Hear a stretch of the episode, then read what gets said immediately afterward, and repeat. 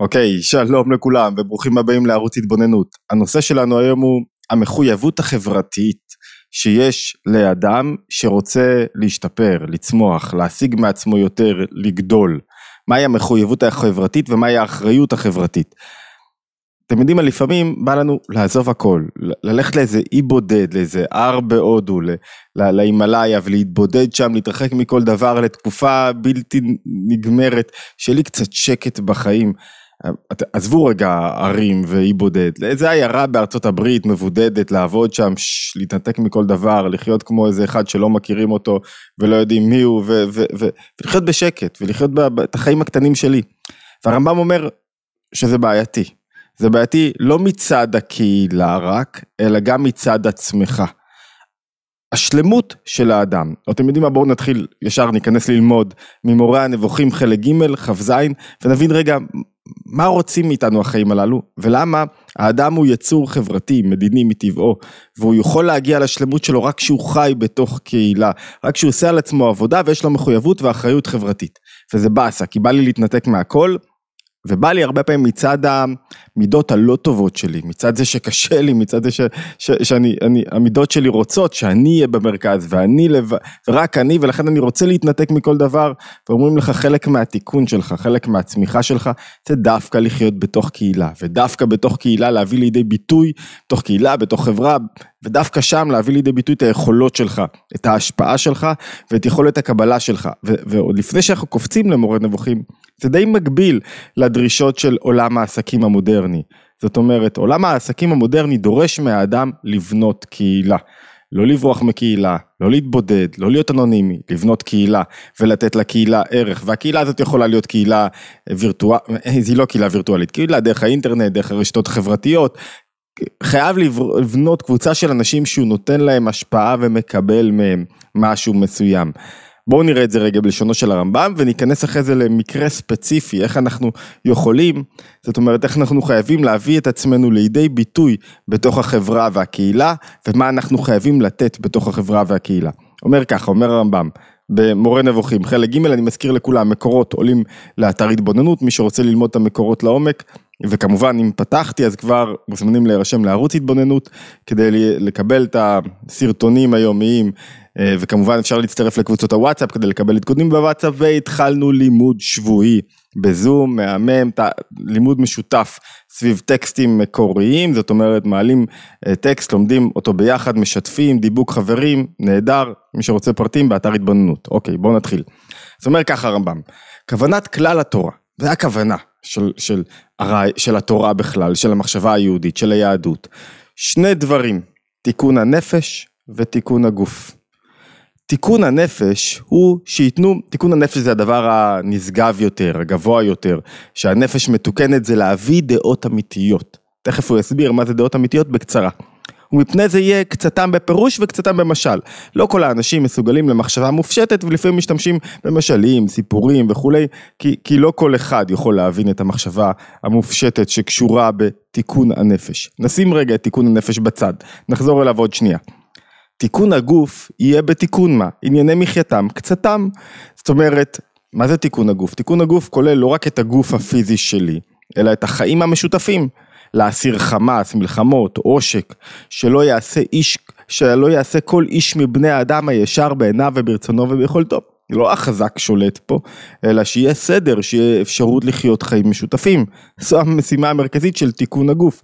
שקשורה בגוף הפרטי שלי, שהגוף שלי מכיל את הנשמה. לכן אני חייב לשמור עליו, לשמור על הכושר, לשמור על הבריאות, לשמור על מה שאני אוכל, לשמור על ענייני הגוף, ועל הגוף הכללי, האורגן הזה שאני חי בו, בין אם זה מסגרת שבטית, קהילתית, מדינתית. והוא אומר ככה, וחלק מהתיקון הגוף זה ללמד כל איש מבני אדם מידות מועילות. עד שיוסדר עניין המדינה, איך אתה חי בתוך מדינה, שלא יהיה פה כאוס, שלא יהיה פה חסר סדר. ודע ששתי הכוונות הללו, שתי השלמויות, זאת אומרת המשימה של האדם, האדם נולד לעולם לא שלם. המשימה שלו זה לעשות תיקון בעצמו, בנפש שלו ובגוף שלו, תוך כדי אחריות חברתית וקהילתית, כי זה חלק מתיקון הגוף שלו, כדי להביא את העולם לידי שלמות. מה זה שלמות? שלמות זה מצב שהוא, העולם לא במצב של חיסרון, אלא במצב שכך צריך לחיות. זו דרך החיים הנכונה. להתעלות, שלמות, שלמות הטוטלית כמעט בלתי ניתנת להשגה, תכף נראה איך הוא מתאר שלמות טוטלית בענייני הנפש, אבל אתה כל הזמן משפר את המצב הגופני שלך, את מצב החיים שלך, את הסביבה שאתה בה חי, את הדעות שאותם אתה, את האופן שבו אתה מסתכל על המציאות. והוא אומר שתי התכונות הללו של שלמות, האחת מהן בלא ספק קודמת, קודמת במעלה, והיא תיקון הנפש. זאת אומרת נתינת הדעות האמיתיות, האופן הנכון שבו האדם צריך להסתכל על המציאות. אבל השנייה קודמת בטבע ובזמן. זאת אומרת, רצוני לומר, תיקון הגוף הוא הנהגת המדינה ותיקון ענייני אנשיה, כפי היכולת. היא הצריכה תחילה. והיא אשר הפליג לדגדג בה ולדגדג בחלקיה כולם, זאת אומרת אי אפשר להגיע לתיקון הנפש אם אתה חי במדינה שיש בו, שקשה למצוא את האוכל בה, שאתה עני, שאין יחסים חברתיים נכונים, שיש עושק, שיש מרמה, שיש תכונות לא טובות, קשה להתפתח בכזאת סביבה. כדי להתפתח בסביבה נכונה מבחינה נפשית, חייבים לסדר את הגוף. זה כמו שקשה לי להתפתח, לצמוח, ללמוד, כשהגוף שלי כואב ועייף וחולה בכל מיני מחלות כאלה ואחרות. שלמות הראשון, השלמות של הגוף, שיהיה בריא על הטוב שבענייניו הגשמיים. זה לא ייתכן אלא כשאדם מוצא צרכיו בכל עת אשר יבקשם. אם חסר לך מים ואתה צמא, אתה לא יכול להתרכז, אם אתה עייף, אתה לא יכול ללמוד. ומזונותיו ושאר ענייני גופו, הנהגת גופו. כדירה, מרחץ, זאת אומרת, כדי להתפתח מבחינה נפשית, אני צריך תנאים, לא רק תנאי נוחות מוגזמים, אלא תנאים נכונים שבהם סביבה שמאפשרת לי להתפתח מבחינה נפשית. וזה לא יכול, לא ישלם, לא ישלים אדם אחד בלבד. אתה חייב להגיע, אי אפשר להגיע כל אדם אל זה השיעור, אלא בקיבוץ מדיני. אתה יכול לסדר לך את המרחץ שלך, את הבית שלך, את הסביבה שלך, רק כשיש קיבוץ מדיני, ולכן קהילה כל כך חשובה, לכן חברה כל כך חשובה, לכן מדינה מתוקנת חשובה. זאת אומרת, מדינה מתוקנת היא חלק מהשלמות של היחיד. היחיד לא יכול להגיע לשלמותו אם הוא חי לעצמו, אם הוא לא נותן את עצמו בתוך מסגרת קהילתית מדינית, אם הוא לא דואג לשלמות של הקהילה והמדינה. כמו שנדע כבר שהאדם מדיני, חברתי, בטבעו. אולי מילה אחת על השלמות הנפשית, אנחנו עוסקים היום בשלמות הגוף, שזה בעצם שלמות החברתית קהילתית שלי גם, כחלק משלמות הגוף. לא מספיק שהאדם דואג למה הוא אוכל, מה הוא שותה, לאיך הוא שומר על הספורט שלו, הוא חייב גם, תוך כדי, לשמור על הסביבה שלו. תכף נראה מה זה אומר, אבל נקודה אחת, מה זה שלמות הנפש? שלמותו האחרון, שיהיה משכיל בפועל. רוצה לומר, שיהיה לו שכל בפועל. זאת אומרת, האדם השלם הוא, על פי הרמב"ם, הוא אדם שמשתמש בשכל המיוחד שלו. מה זה השכל המיוחד שלו? זה, זה שכל ש... שידע כל מה שבכוח האדם לדעת, מכל הנמצאות כפי, כפי שלמותו האחרון. זה אדם שחוקר, מברר, לומד ושואל מה המהות ומה התכלית של טבע החיים פה, ומבין את הקשר בין עולם לבין בורא, בינו לבין בורא. זה אדם שמשתמש בשכל שלו, מבואר שהוא זה השלמות האחרון, אין בו מעשים ולא מידות. העיקר של האדם על פי הרמב"ם זה שכל שלם, שהוא מתקן בעצם, השכל השלם מתקן את העולם הרגשי. היה לי, היה לי איזה שיחה עם אשתי ושאלתי אותה רגע, כאילו מתי אין משברים באמונה לאדם? מתי הוא לא, אין לו נפילות? מתי אין כמעט נפילות? אחת הסיבות של האדם הנפילות זה כשהוא מושיב את עצמו, כבעל תשובה למשל, כשהוא מושיב את עצמו ואת חוויית החיים שלו, לא רק על רגשות. אם הוא, הוא חי על הרגש, אז הרגש משתנה, פעם יש לו התלהבות ותשוקה והתעוררות, ואחרי זה הרגש דועך, או השגרה בעצם פתאום מכלה את העניין הרגשי, אבל אם הוא משיב את, ה, את הדרך חיים שלו על השכל, זאת אומרת, כשאני אומר על השכל, זה שואל רגע, מה התכלית? מה הנקודה? מה האמת? מה נכון? וכשהוא שואל מה נכון ויש לו תשובות טובות, שהוא שרטט לעצמו, אחרי עבודה קשה של ליטוש הדעות הנכונות, שזה חלק משלמות האדם. אז אם הוא במקרה נופל בגלל הרגשות שלו, בגלל התאוות שלו, בגלל היצרים שלו, בגלל מה שלא יהיה, לא נורא. הוא יודע לאן לחזור, לא הכל להשתבש לו, כי הוא יודע לאן לחזור, כי יש לו את התשובות, הוא יודע מה הדרך. השכל יתבע לו את הדרך, העיר לו את הדרך.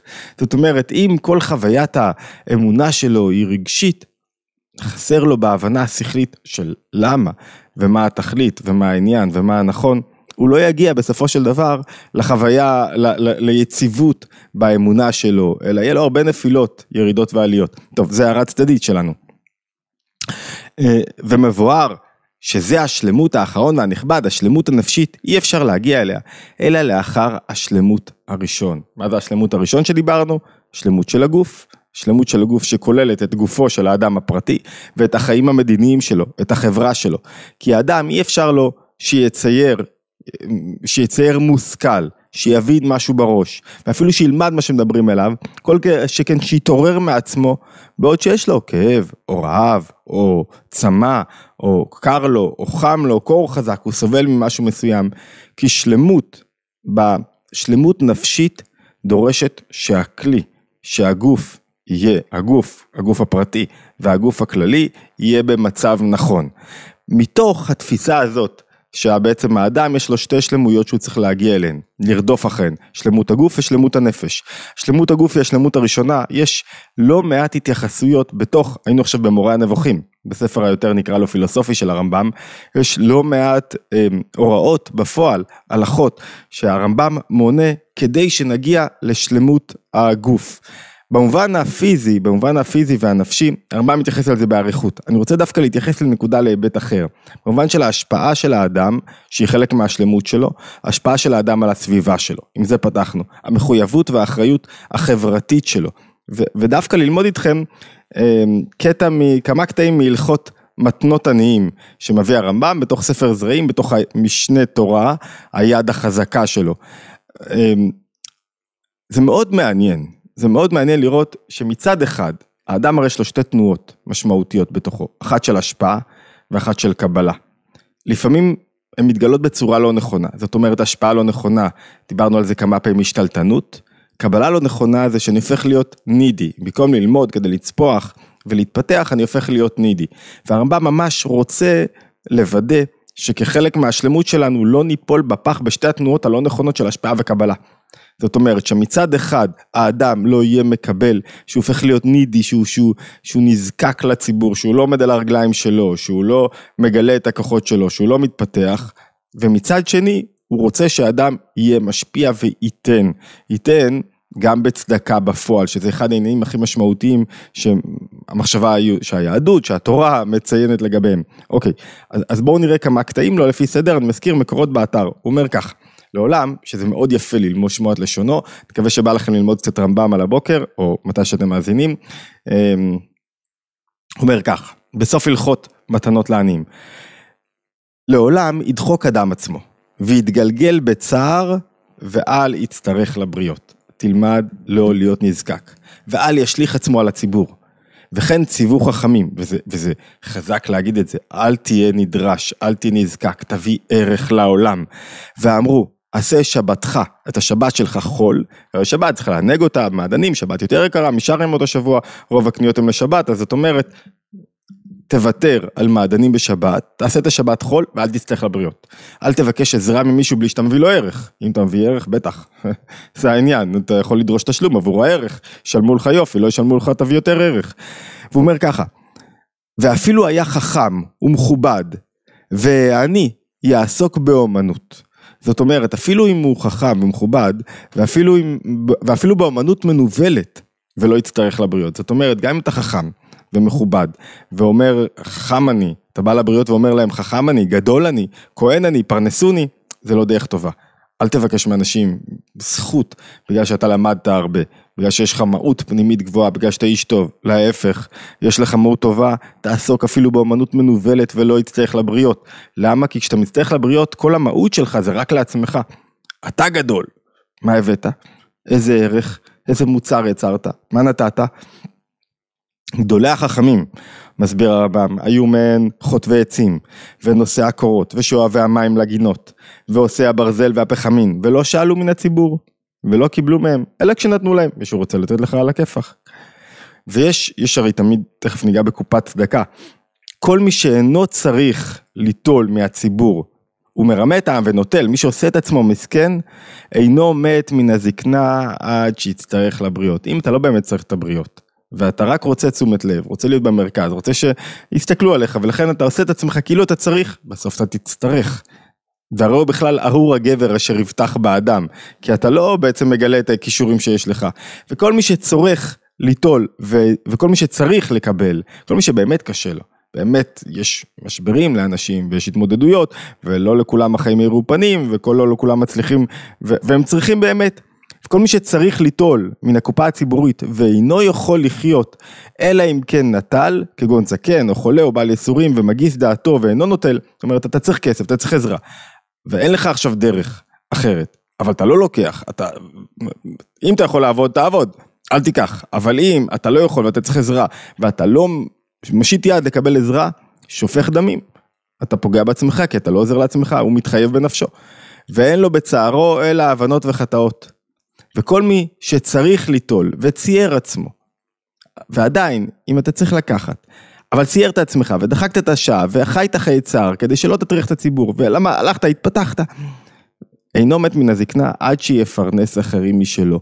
הוא עשה כזה עבודה על עצמו שבסופו של דבר הוא יהיה זה שייתן לאחרים. ועליו ועל כיוצא בו נאמר ברוך הגבר אשר יפתח בהשם כי הוא הלך והתפתח. יחד עם זאת, יחד עם החובה הגדולה של האדם לגלות את הערך שלו במציאות, יחד עם החובה הגדולה של האדם לתת, סליחה, ל- ללמוד לעמוד על הרגליים שלו עצמו, יש חובה אחרת, יותר גדולה אפילו, לתת. חובה אחרת אפילו יותר גדולה, שלא לחיות רק לעצמך. והלשון פה היא כל כך נוקבת שאי אפשר לברוח ממנה. לא יעזור לך אם אתה תעשה כסף ותבזבז אותו על עצמך, לא תגיע לשלמות שלך. ולא תתפתח. למה? כי אתה אדם קהילתי, ואתה חייב להביא ולתת לציבור. מצוות עשה לתת צדקה לעניים, כפי מה שראוי לעני. אם הייתה יד הנותן משגת, שנאמר, פתוח תפתח את ידך, לא. זאת אומרת, זה מצוות עשה, חובה. ואם אה, אה, עיניו מהעני ולא נתן לו צדקה, עבר בלא תעשה, עבר על מצווה. שנאמר, לא תאמץ את לבבך ולא תקפוץ את ידך מאחיך, האביון. אני קורא עכשיו בפרק שביעי בהלכות מתנות לעניים, ויש עוד כמה דברים, איזה לשון מאוד חזקה לגבי קהילות ישראל, כמה נקודות שאני רוצה לחלוק איתם. כל עיר שיש בה ישראל, הוא אומר אה, בהלכה הבאה, בקטע הבא, מעולם לא ראינו ולא שמענו בקהל ישראל שאין להם קופה של צדקה. כל עיר שיש בה ישראל חייבים להעמיד גבאי צדקה, שיגבה מאנשים, הרווחת, בוא תיתן, בוא תהיה חלק, בוא תבנה קהילה, בוא תעזור למי שאין לו. אתה עצמך, אתה יכול להסתדר יופי, אבל בוא, בוא, בוא תיתן משהו. אנשים ידועים ונאמנים שיהיו מחזרים עליו מערב שבת לערב שבת, ולוקחים מכל אחד ואחד מה שהוא ראוי ליתן, ודבר רק עצוב עליו, ומחלקים את זה אחרי זה. וזה הקופה שצריך לתת. ואז פה, פה יש כמה נקודות שהן מאוד חשובות. עד כמה הצדקה היא לא רק בשביל המקבל, צדקה מלשון צדק, עד כמה הצדקה היא חלק מהיכולת שלי להתעלות, מהיכולת שלי, בצדקה יש כל כך הרבה דברים שאומרים, אני, זה לא הכסף שלי, אני משחרר, אני יודע שלא אני בעל הבית על התוצאות, אני מכניס את הבורא כשותף שלי. בצדקה אומר, אומר הרמב"ם, מביא את זה מאוד יפה, לעולם אין אדם נעשה עני, מעני מן הצדקה. אתה לא יכול להפסיד מן הצדקה. ולעולם אין אדם אה, ואין דבר רע ולא היזק נגרם בשביל הצדקה. אם נתת, אתה אף פעם לא יכול להפסיד. תמיד יחזירו. וכל המרחם, ואם נתת ועזרת, גם ירחמו עליך. אם אתה בעין קפוצה, אתה, למה אתה לא נותן? כי אתה אומר, אה, שילך לעבוד. זאת אומרת, מצד אחד יש לך את החובה להיות עם עצמך הכי נוקשה, והכי לעמוד על עצמך, ולא להידרש לבריות. חלק מההתפתחות שלך בתוך קהילה מדינית, חברתית. מצד שני, לרחם, כל מי שפושט יד.